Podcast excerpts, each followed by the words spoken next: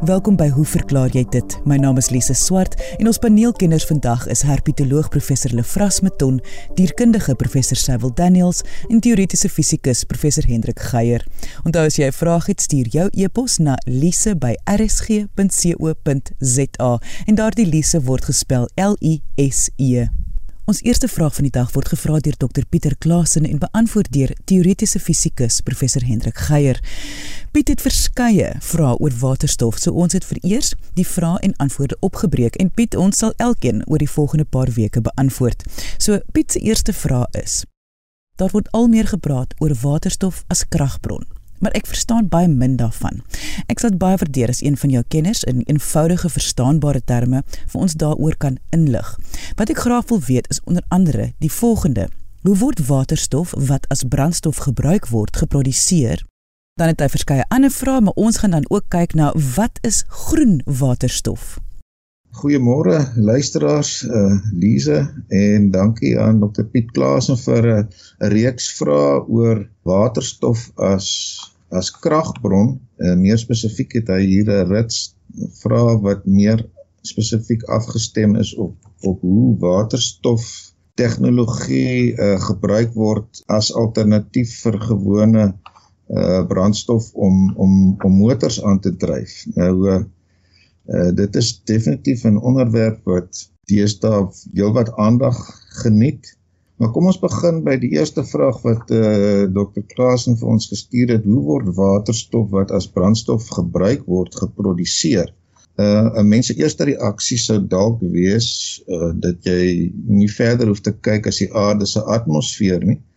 Ehm um, maar as 'n mens nou nader ondersoek instel na hoe wat die samestelling van die van die aarde se atmosfeer is, dan lui die syfers dat dit 78% stikstof is in die vorm van N2, 21% suurstof O2, 0.9% argon, een van die edelgasse en dan die ander 0.1% uh, is allerlei ander gasse insluitende waterstof, maar waterstof uh, maak maar 0.005% van die aarde se atmosfeer uit. So uh dis duidelik nie 'n uh, uh 'n opsie om as dit ware waterstof uit die atmosfeer te tap nie en as 'n mens vra waar kry jy nou waterstof as jy dit nodig het vir allerlei dinge uh dan moet jy elders gaan soek. Nou dit is natuurlik so dat waterstof in ander tipe molekules vasgevang is die bekendste sekerlik water H2O en daar's baie water op die aarde so daar's een bron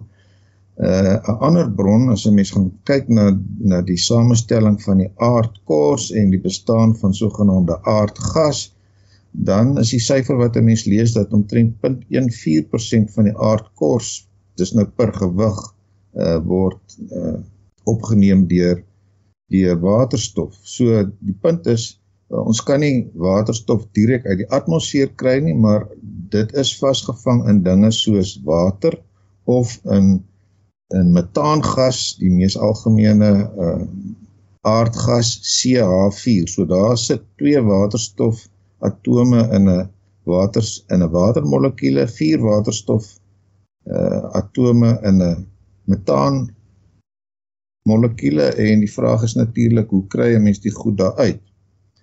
Nou die bekendste vorm waar of die bekendste proses waar volgens um, mens uit water die waterstof kan loskry om dit nou maar so te stel is natuurlik elektrolise.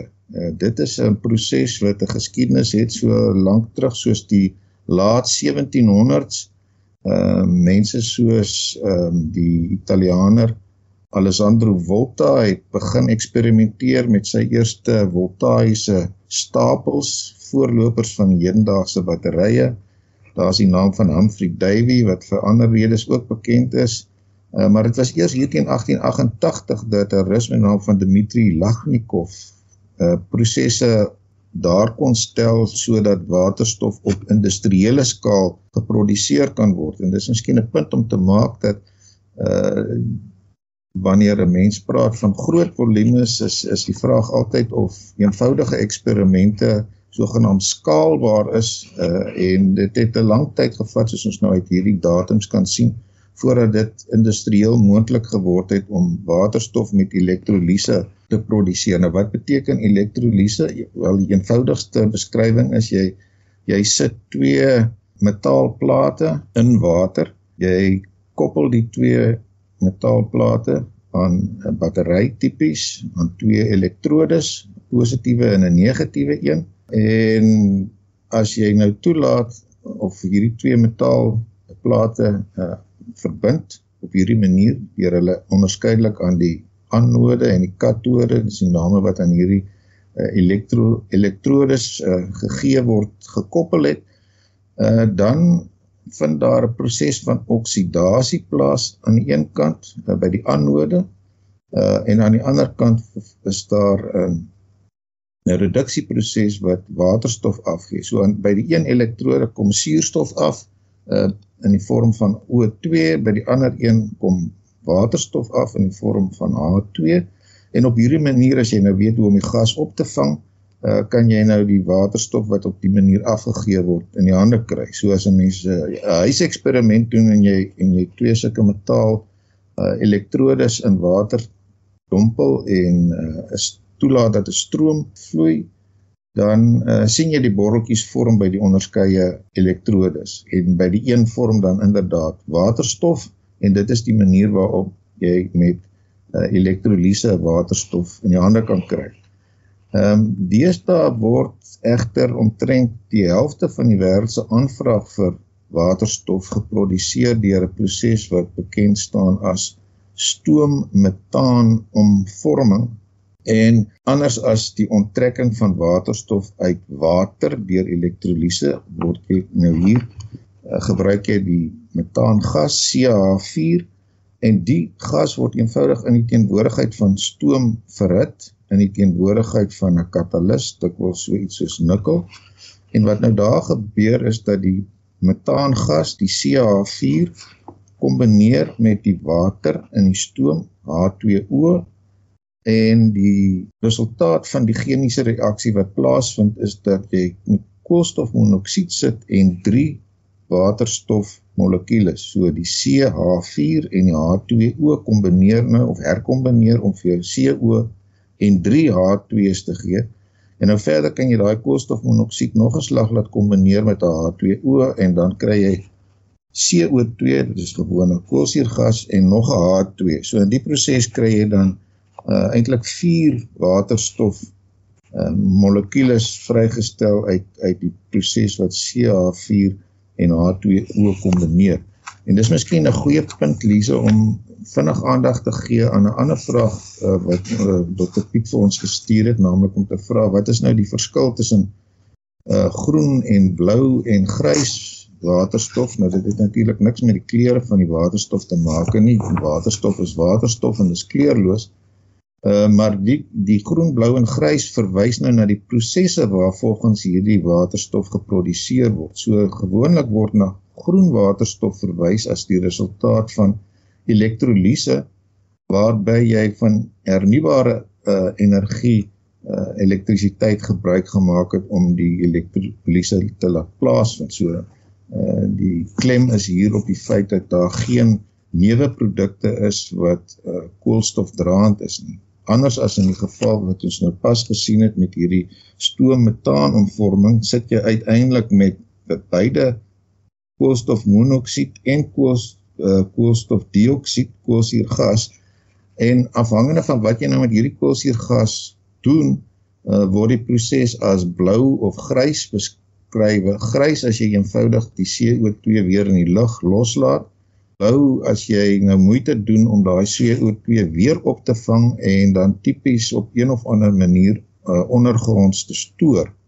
Uh, met ander woorde dat jy nie die CO2 weer terug in die atmosfeer inpomp nie. So dis nou die onders onderskeid tussen groen, blou en grys waterstof alles te maak met hoe die goed geproduseer word en dit was teoretiese fisikus professor Hendrik Geier. Ons kitsvraag van die week word beantwoord deur herpetoloog professor Lefras Meton. Professor Meton, hoe verklaar jy dit dat 'n akedus in die bewegende glyhellings van duine in die Namib-woestyn kan oorleef? Die woestyn pansarakedus, dis 'n medium grootte akedus van so 150 mm snoet tot kloaka lengte met die wetenskaplike naam Gerosaurus scoogi. Uh, hy is endemies tot die noordelike Namib-woestyn van Suid-Angola en Namibië en hulle kom op die glyhellings. Dis nou slip faces uh in Engels van die duine in die kusgebied voor. Nou hierdie duine is beweeglik en huisves bitter min plante groei. Ons praat hier van 'n plantbedekking van minder as 1%.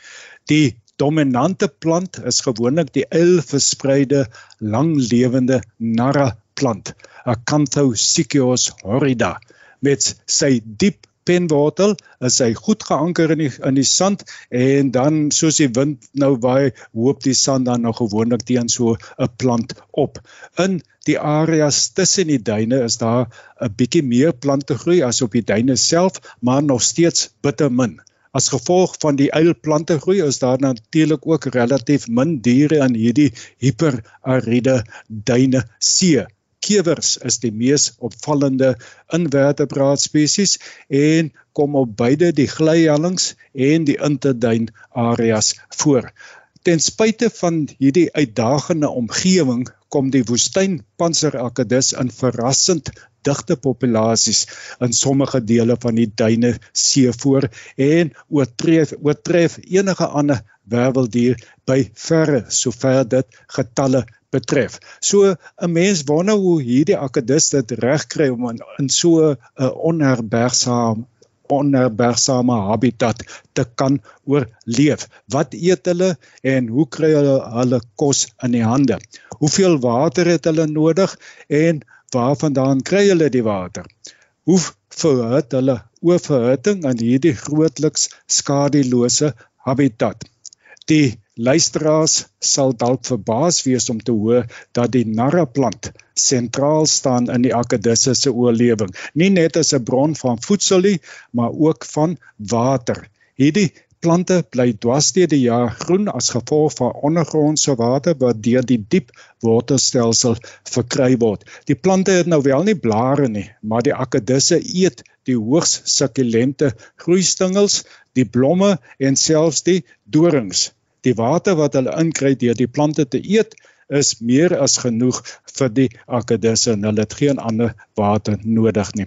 Die plante is egter il versprei en kan en akedisse kan tot 50 meter moet aflê om by 'n plant uit te kom. Narre is egter nie die enigste bron van voedsel nie. Plant debris soos droë grasstingels en sade wat deur die wind aangewaai word, word ook geëet. Die sade word behendig uitgedop voordat dit geëet word.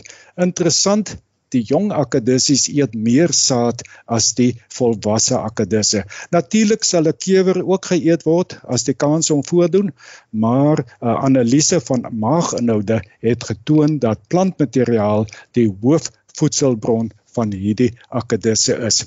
In die aand en ook gedurende die dag wanneer toestande nou ongunstig is soos byvoorbeeld wanneer dit te warm is skuil die akedisse op die glyhellings onder die sand. Wanneer hulle bedreig word duik hulle ook vinnig onder die sand in.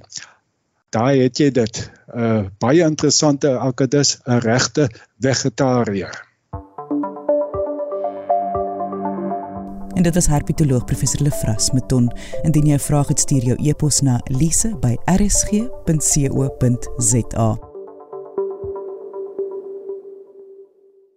Ons volgende vraag gaan beantwoord word deur dierkundige professor Cyril Daniels en die vraag word deur Jan Hendrik van Midstream Estate gevra. Hoe word wetenskaplike name vir diere en plante gekies en kan die name verander word as mense besef dat hulle die gekose naam onakkuraat was soos mens meer kennis van die ding opbou? As dit gebeur, hoe word dit gekommunikeer na ander wetenskaplikes? Professor Daniels? 'n Mens moet onthou dat in taksonomie is daar 'n hiërargiese stelsel vir die klassifikasie van alle lewende organismes. Die hoogste vlak is die ryk dan word dit gevolg deur die film, dan die klas, dan die orde, die familie en die genus en spesies. Sommige in sommige groepe uh, diere en plante veral ehm um, herken taksonome ook subspesies, maar subspesies tot 'n groot mate is gewoonlik of morfologiese variante van 'n bestaande spesies of dit is 'n unieke spesies op sy eie. Nou in die algemeen is daar drie verskillende hoofgroeperinge of ryke wat herken word. Die eerste klassifikasie ehm um, sê dat daar 5 ryke is en hierdie sluit in Monera, die Protista, die Plantye, die Fungi en die Animalia. Die volgende een sê dat daar 6 ryke is waarvan bakterieë en protiste uh geskei word van mekaar en binne die plante onderskei die wetenskaplikes ook die Chromista en dan die Plantaea en dan weer eens fungi en animalia. In die sewende um klassifikasie stelsel um herken die uh wetenskaplikes die bakterieë en die archaea, met ander woorde hulle onderskei twee verskillende hoofgroepe bakterieë. Um die protozoa, die Chromista die plante ja, die fungi en die animalia. Met ander woorde op die hoë ryk in terme van klassifikasie is daar sekerlik veral by bakterieë sowel as by plante en by die uh protiste is daar redelike onstabiliteit omdat baie van hierdie groepe wat histories herken was as 'n enkele groep um, gebaseer op molekulêre data wat ons tans gebruik vir klassifikasie, dui dit aan dat hierdie groepe nie monofiletiese groeperinge is nie. Maar daar is 'n groot mate van stabiliteit veral binne die fungi en by die animalia. Ek spesifiek as 'n dierkundige, so ek is heel gelukkig met die feit dat daar binne diere ten minste stabiliteit is uh ten opsigte van die ryk animalia. So die meeste ehm um, teenstellings in ten opsigte van die hoër klassifikasie is dan nou by die bakterieë, by die protiste en dan ook by die plante tot 'n groot mate. In die algemeen gebruik bioloë of taksonome, mis, miskien meer spesifiek, ehm um, kenmerke, gewoonlik morfologies, maar deesdae ook meer genetiese kenmerke, met ander woorde kenmerke wat op DNS data gebaseer is. Hulle trek gewoonlik 'n filogenetiese boom en hulle gekyk en hulle kyk dan waar is die gemeenskaplike voorouder van hierdie groep uh, organismes. Nou soos ek voorheen gesê het, is dit baie belangrik uit 'n filogenetiese perspektief of jy nou met 'n ryk te doen het of met 'n genus of met 'n spesies dat hierdie groeperinge monofileties moet wees. Nou wat is monofileties? Mono beteken nou een en Fileties beteken die evolusionêre uh um verwantskap met ander woorde, hulle moet een gemeenskaplike voorouder hê, 'n enkel evolusionêre oorsprong um wat die groep dan nou um essensieel kan onderskraag en gewoonlik kan die groep beide met morfologiese sowel as genetiese kenmerke uh onderskraag word. Nou baie van die werk wat deesdae genoem gedoen word liewer is gebaseer op DNS werk met ander woorde die ehm um, otere kyk spesifiek na die ehm um, 'n groep gene en ehm um, dan trek hulle gewoonlik 'n filogenetiese boom op om te bepaal wat is die verwantskappe ehm um, binne die spesifieke groep waarin hulle nou ehm um, geïnteresseerd is. OK. Wanneer 'n mens nou gewoonlik na die genus en spesies vlak kyk wat nou in 'n taksonomiese perspektief uit die laagste vlakke is, as 'n mens nou nie na subspesies kyk nie wat ons voorheen nou genoem het. Um, sien 'n mens 'n paar opmerklike uh goed. Gewoonlik is daar 'n uh, binominale naam, met ander woorde daar's gewoonlik 'n genusnaam en daar is gewoonlik 'n spesiesnaam. Die genusnaam uh, is gewoonlik uh, 'n oorkoepelende kenmerk wat deur al die organismes in die spesifieke genus um dan nou uh, gedeel word, um wat dan nou weer eens aanduidelik is van 'n gedeelde gemeenskaplike voorouder. Met ander woorde, 'n mens kan dan 'n aanname maak dat die groep monofileties is. Jy moet uiteraard ook molekulêre en morfologiese kenmerke hê wat aandui dat die groep monofileties is en dan gewoonlik 'n spesies naam wat nou baie meer spesifiek op die spesifiek spesifieke spesies fokus. Kom ons dink of ons kyk byvoorbeeld na die Afrika olifant. Die Afrika olifant se wetenskaplike naam is Loxodonta africana. Loxodonta verwys na hoe die tande by die olifant um uitkom by die by die uh, voorkant van die kop uiteraard en dan Afrika die spesies naam verwys spesifiek na die olifante wat in Afrika voorkom. Met ander woorde, die Afrika olifant, Loxodonta africana, africana dui aan die geografiese verspreiding van die spesies, maar die spesiesnaam kan ook gebruik word om 'n spesifieke kenmerk byvoorbeeld te as aksentueer. Ehm um, nou moet 'n mens ook dan nou natuurlik hier sê dat daar vir taksonomie heel party reëls is wat 'n mens moet toepas. Jy moet byvoorbeeld die genus en die spesiesnaam moet apart wees. Die genusnaam moet uh die eerste letter moet in hoofletters wees en beide die genus en die spesiesnaam moet gewoonlik in kursief geskryf of uitgedruk word. Ehm um, so daar's heel party reëls en regulasies vir die erkenning en benoeming van spesies. Hier is dit ook belangrik om daarop te let. Wanneer ek byvoorbeeld in die veld gaan en ehm um, gebaseer op morfologie 'n dier optel en dink hierdie dier is uiteraard iets wat potensieel nuut is, kan ek dan DNS van die dier ehm um, ekstraheer Ek kan 'n filogenetiese boom optrek met ander spesies um, wat ook in die genus is en dan kan 'n mens kyk na die filogenetiese plasing van die spesies en dan kyk jy ook na morfologiese aspekte van die dier wat die dier dan nou uniek sou maak. Maar wanneer hierdie dier dan nou formeel as 'n nuwe spesies beskryf gaan word, is daar 'n paar reëls wat gevorm wat gevolg moet word liewer. 1 alle materiaal, met ander woorde, kom ons sê nou dis 'n varswaterkrab. Alle materiaal van hierdie varswaterkrab wat ek nou versamel, moet in 'n erkende museum gedeponeer word.